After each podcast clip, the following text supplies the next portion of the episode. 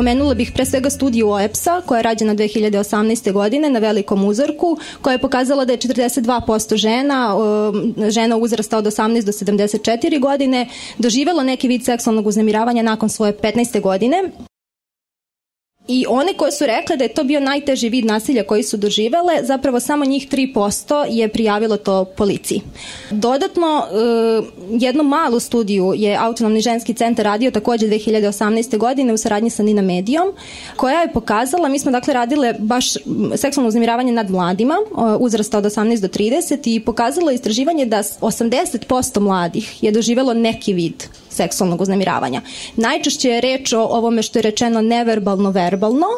Ređe su ove situacije kada ima i fizičkog kontakta, e, s tim da je zanimljivo da pored toga što smo ih pitale šta su iskusili, iskusile, pitali smo i šta percipiraju kao seksualno uznemiravanje i upravo te oblike koje su najčešće doživele, doživeli, uh, najređe smatraju seksualnim uznemiravanjem, što je važno da, da prosto razumemo kako taj fenomen izgleda, kako, kako ga uh, prepoznajemo, da li ga prepoznajemo. Pa kaže, neželjeno priljubljivanje dodirivanje, dodirivanje, unošenje u lice ili samo dodirivanje muškaraca po intimnim delovima tela kao najeksplicitnije oblike seksualnog uznemiravanja doživala je svaka treća devojka u Srbiji. Najčešći oblik seksualnog uznemiravanja koji je doživela svaka druga devojka u Srbiji je zviždanje, slanje poljubaca i oblizivanje. U okviru te studije o mladima jedan pod uzorak je bio upravo u odnosu na studentsku populaciju i to je mali uzorak, dakle trebalo bi raditi opširnije istraživanja, ali eto preliminarno da kažemo zapravo svaka a, treća, svaki treći student, svaka treća studentkinja bez obzira na pol doživeli su neki vid seksualnog uznemiravanja od strane zaposlenih na fakultetima bila je u situaciji da zaposleni na fakultetu u njihovom prisustvu pričaju seksualne šale, gledaju ih tako da se osjećaju neprijatno ili skreću razgovor o studiranju na seksualne teme. Istovremeno, svaka druga studentkinja, odnosno svaki drugi student smatraju da zaštita od seksualnog uznemiravanja na fakultetima nije adekvatna i da je potrebno da se to uh, unapredi. E sad, nakon tog istraživanja mi smo u okviru akcije pod nazivom Zahtevam da budem zaštićena od seksualnog uznemiravanja napravile neku malu online platformu gde smo pozvale studente i studentkinje da pošalju zahteve univerzitetima za upravo to bolje, bolje sankcionisanje, adekvatniju zaštitu i preko 650 mailova je u tom momentu poslato na adrese univerziteta u Srbiji i nekako tada je pokrenut taj talas, taj da kažem drugi talas donošenja pravilnika u Srbiji. Pre toga smo imali samo Fakultet političkih nauka koji je pravilnik doneo 2014. Nakon ove akcije uh, smo uh, dobili i pravilnik na FASPER uh, fakultetu, pravilnik na Pravnom fakultetu Union, Filozofski fakultet u Beogradu i tako dalje. Fakultet dramskih umetnosti još uvek nema pravilnik, ali je razvio platformu za prijavljivanje slučajeva seksualnog uznemiravanja i ucenjivanja. Dakle, kakve su generalno reakcije uh, studenta na, na vašem fakultetu i kako je zapravo protekla cela ta inicijativa. Dakle, vi ste, vaš fakultet je uh, prvi koji je, da kažemo, zatvorio i taj krug od, od iniciranja stvaranja platforme do toga da uh, su izrečene neke, da kažemo, opomene počiniocima ovakvih akata studentima je važno da to postoji, ali se sad to malo tiče poverenja. Nemaju baš svi studenti poverenja u to da se tu jave, te smo mi eto, nadali se da će baš zatvaranje tog kruga pružiti veće poverenje studentima da nam se jave, da znaju da ćemo uraditi nešto ukoliko imaju takvu vrstu problema. Zato smo i to koncipirali tako da studenti mogu da se jave po pojedinačnom profesoru. Tu su u radnoj grupi su bili i studenti, članovi studentskog parlamenta, te se studenti su se mogli javiti direktno studentima. Tako da u tom smislu ja mislim da se desila neka važna stvar, ali da ona ima neke ozbiljne manjkavosti koje sad moraju polako da se rešavaju. Sad što se tiče tih sankcija i opomena, ja mislim da su one strašno male, te da to nisu u stvari nikakve preterane sankcije. Na nivou promene pravilnika bi se desile neke stvari koje bi možda smanjile takva ponašanja. I u kodeksu je mnogo jasnije propisano šta smete da obučete za dolazak na fakultet, ali nije baš propisano šta neko sme da vam kaže ili uradi. Tako da, eto. Dakle, vaš je utisak da e, čak ni ovo iskustvo sa pokretanjem platforme možda nije dovoljno ohrabrujuće da se, da se ovaj slučajevi prijavljuju. Ili da i dalje postoje sumnje da će to uroditi nekim plodom ili kako biste to Pa moj utisak je da su sumnje postojale, da bi se sumnje sada mogle smanjiti kada se bar jedan od tih slučajeva rešio, ali moj najveći utisak je da moraju da se menjaju pravilnici da bi stvari stvarno počele da se menjaju. Zato što nisam sigurna koliko su te opomene dovoljne. Mislim, nekako na kraju, i to strašno dugo traje, i ta procedura je dosta naporna za nekoga ko to prijavljuje. Vi morate da čekate, da pošaljete, pa onda čekate dve nedelje da vam druga strana odgovori, pa druga strana može da se žali, druga strana naravno koristi sve moguće trenutke da se to oduži. To je strašno naporno za nekoga ko se sa time suočava, a pritom vam se na samom početku mora reći da postoji šansa da to ne uspe jer pravilnici imaju ozbiljne probleme. I onda nekako vi morate da donesete odluku o tome da ćete u taj proces ući sa saznanjem da možda u tom procesu izgubite koliko je zapravo e, rad, način rada na vašem fakultetu specifičan i koliko je lako primeniti uh, ovaj, različite aspekte tih nekih uobičajenih pravilnika na ovaj specifičan kontekst? Pa ova čitava situacija koja se kod nas dešavala je baš pokazala E, ovo što je Andreja rekla, manjkavosti tih dosadašnjih pravilnika i dosadašnjih procedura, zato što zapravo recimo ja bi sad mapirala samo dve, ali vi ćete se posle nadovezati koju smo mi direktno osetili na svojoj koži, a to je zapravo ta mogućnost da se na konto takozvane pravne sigurnosti ne može prijaviti nekakav čin koji je propisivan na osnovu pravilnika koji nisu imali nikakve sankci, mere sankcija, zbog čega smo mi bili stvari sprečeni da u stvari uopšte izreknemo bilo kakvu pravnu meru, ono što se desilo u javnom diskursu je zapravo jeste ta javna osuda, ali e, to nije imalo svoje utemeljenje u pravnom okviru koji je u stvari oboren. Drugo, i da nije oboren, te vrste kazne, e, te vrste sankcija su toliko simbolične, one su na nivou CCC, no, no, nemoj nikad više i nastavljaš da radiš kao da, ti, kao da nema nikakve veze sa tim što si ti uradio, znači nema nikakvih konsekvenci konkretnih ni u tvojoj akademskoj karijeri, ni, na, ni u odnosu na obrazovne prakse i nisi sprečen ni na koji način da se nešto promeni, što će reći to je skoro podržavajuće. E, ja mislim da je to glavna manjkavost recimo koju sam ja uočila, zapravo taj kratak rok prijave, ja jako insistiram da u našem pravilniku taj rok prijave se produži na 24 meseca nakon isteka studentskog statusa, pošto mislim da je to jedna od ključnih stvari koja bi omogućile veće poverenje u instituciju i veću mogućnost da e, devojke stvarno imaju e, bezbednu situaciju koji nakon završetka studija onda mogu da se vrate i da dobiju nekakvu reparatornu pravdu ili da pomognu drugim devojkama da im se to ne dešava. E, to je jedno, taj rok prijave, a drugo je mere koje su mere sankcija Ja mislim da je jedan najveći problem problema što naši pravilnici koji su ili etički kodeksi koji su vezani za pravila ponašanja nisu povezani sa zakonom o radu i pravilnicama o radu i činovi seksualnog uznemiravanja ne predstavljaju nikakvu povredu radne obaveze. Po moj proceni, eh, ja nisam pravnik, ja mislim da je to E,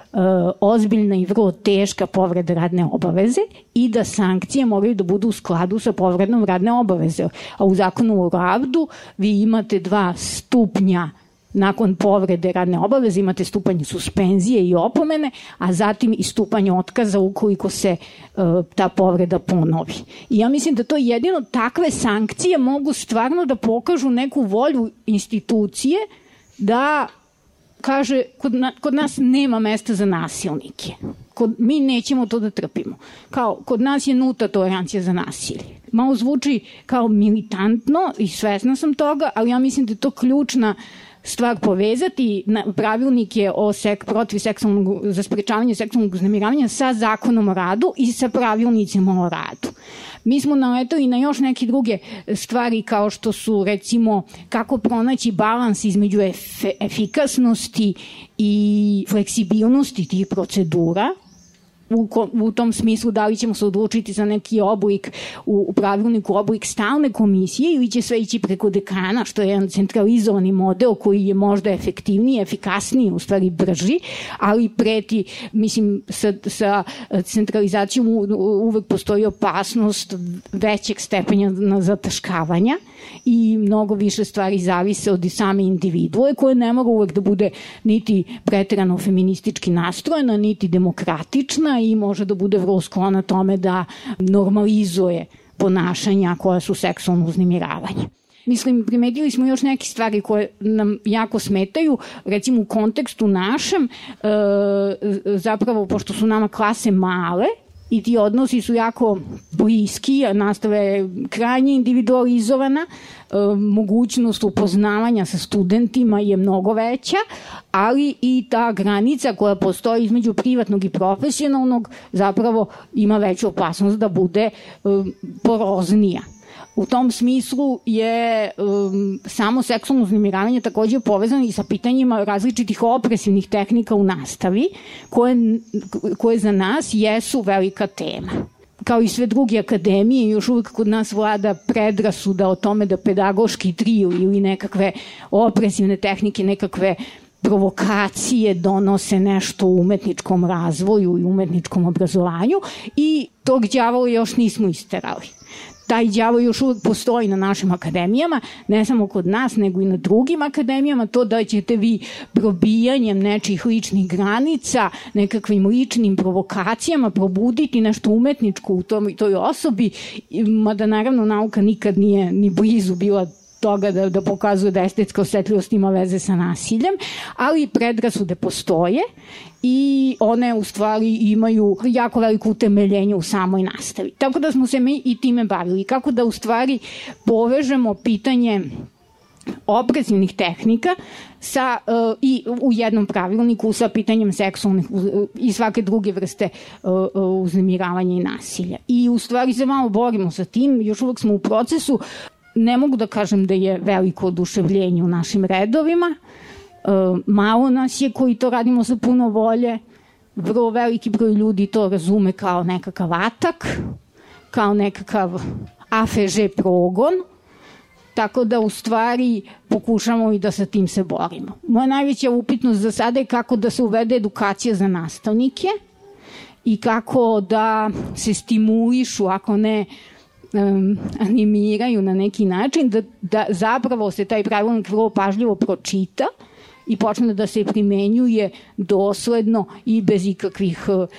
zadrški pravilnik sam po sebi uh, nije ni blizu dovoljan. Pa ja bih se sad vratila Ireni i Andreji, ako možete prokomentarišete šta su bile te praktične teškoće, zapravo vaš fakultet ni nema pravilnika, ali u praksi sve to mnogo teže funkcioniše, jel? Kada vi dobijete određen broj prijava koje govore o nekom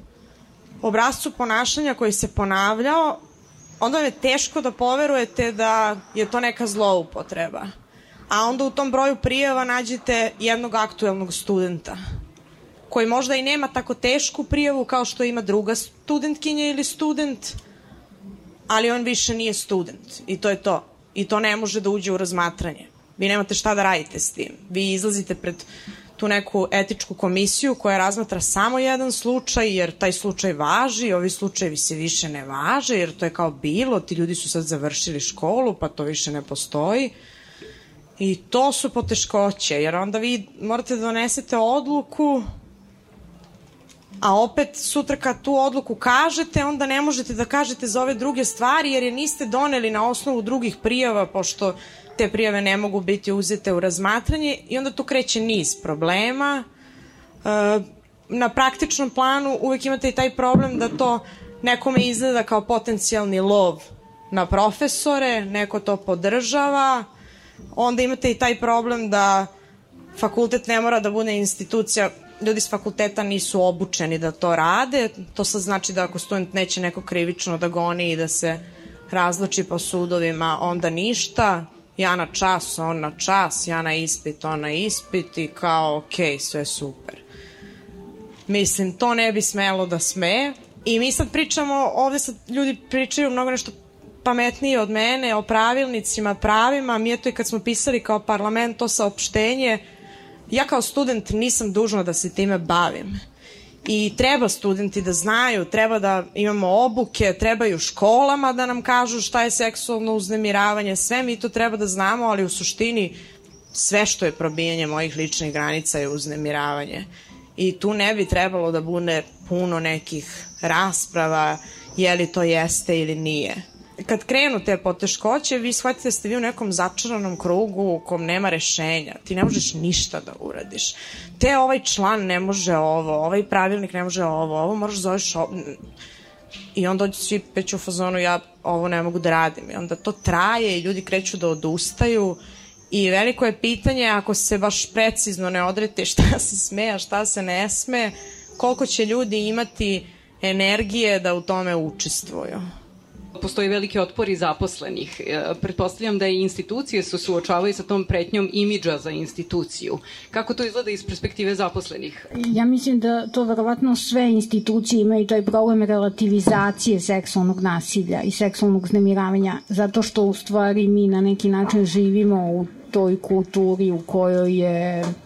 takav odnos prema ženama potpuno normalizovan i jako veliki postotak muške populacije nekad u životu dopustilo sebi da e, smatra to prirodnim i spontanim, iako je to u stvari probijanje e, ne samo ličnih granica, nego zloupotreba pedagoškog odnosa, koji je odnos nejednakosti i odnos koji je u svakom slučaju kada se probijaju lične granice predstavlja zloupotrebu ovlašćenja. Recimo, jako često ćete čuti, bar ja sam jako često čula od svojih kolega koji izgovaraju rečenicu, dobro, um, sve je to, to ok dok postoji saglasnost sa obe strane, između profesora i studentkinje. Pa nije ok. To i dalje zloupotreba ovlašćenja. Ali to generacije generacije zapravo naših profesora ne shvataju. Da, I da je to i dalje zloupotreba ovlašćenja. Da nema nikakve veze, može studentkinja da bude ludo zaljubljena u njega,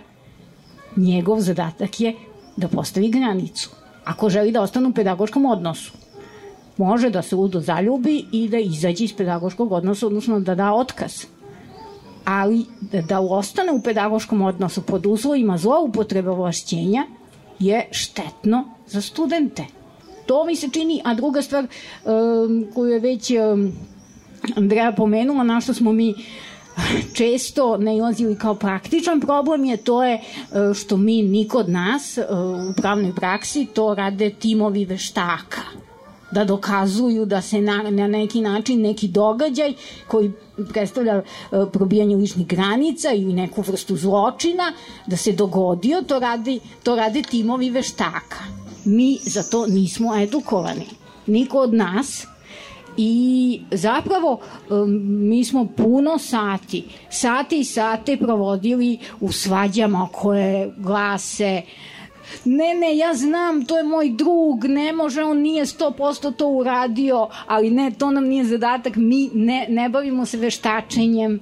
i tako dalje. Mi smo u ovom slučaju jednom koji, koji je sad protekao imali relativno neupitnu situaciju zato što smo imali tri materijalna dokaza, odnosno tri screenshota poruke, pa to nije bilo uopšte predmet velikih naših ličnih procena. Ali, ali je to redkost. To je redkost. Mi smo u stvari sate i sate potrošili na pokušaj razumevanja da ne možemo da se imamo veštačenjem, da nemamo nikakvu edukaciju iz te oblasti, da parametre logičke koherentnosti možemo da pratimo, ali to je vrhunac onoga što predstavlja ishod naših procena. I to je ozbiljan posao. Čak i za ljude koji su možda rodno osetljivi ili su osetljivi za teme rodnog nasilja, što na fakultetima zapravo nemaju edukaciju iz toga kako da procenjuju određene prijeve koje nemaju materijalne dokaze autonomni ženski centar je zapravo e, bio saradnik na izradi ovih pravilnika na svim fakultetima koji su ih do sada napravili i ne, mnogih koji su sad u proceduri. Videli smo da tu postoji jako puno problema u implementaciji. Šta su ti problemi u implementaciji i možda poseban osvrt na taj problem zloupotrebe prijave? U mnogim uh, pravilnicima, draftovima i usvojenim pravilnicima velika uloga je zapravo data dekanu i to je bilo nešto o čemu smo dosta diskutovale kako smanjiti tu koncentraciju moći moći u jednoj Uh, osobi. Uh, u mnogim pravilnicima on je taj koji je odrađivao i lica za pomoć i podršku i komisiju, bilo da je ona ad hoc ili stalna komisija i primao prijave i donosio odluke i donosio sankcije. Dakle, to je velika koncentracija moći u jednoj osobi i tu smo nekako se zapravo pravile razne kombinacije šta je ono što, što nije to što bi dekan trebalo da radi. Dakle, tu smo nekako se uh, saglasile da dekan nije nužno ta osoba koja mora da bira niti lica za pomoć i podršku, niti članove članice komisija, već da bi to moglo da bude naučno nastavno veće, da bi to moglo da budu čak u nekom momentu i glasovi studenta i studentkinja, da se čuju u tome koga oni vide kao lice za pomoć i podršku, jer često od toga najviše i zavisi da li će se nekome a, a, obratiti. Da, isto smo nekako se saglasile da je važno da, da komisija bude ta koja sprovodi postupak, koja uh, ima tu ulogu takozvanih veštaka, uh, da prikuplja dokaze, da obavlja razgovore sa svim stranama i da ona bude ta koja je i već toliko uključena u postupak, donese odluku i tu odluku preda dekanu, a dekan je taj koji na osnovu ovog pravilnika, drugih akata zapravo može da donese sankciju. Dakle, da ne bude dekan taj koji će uh, od prikupljenih dokaza doneti na kraju odluku.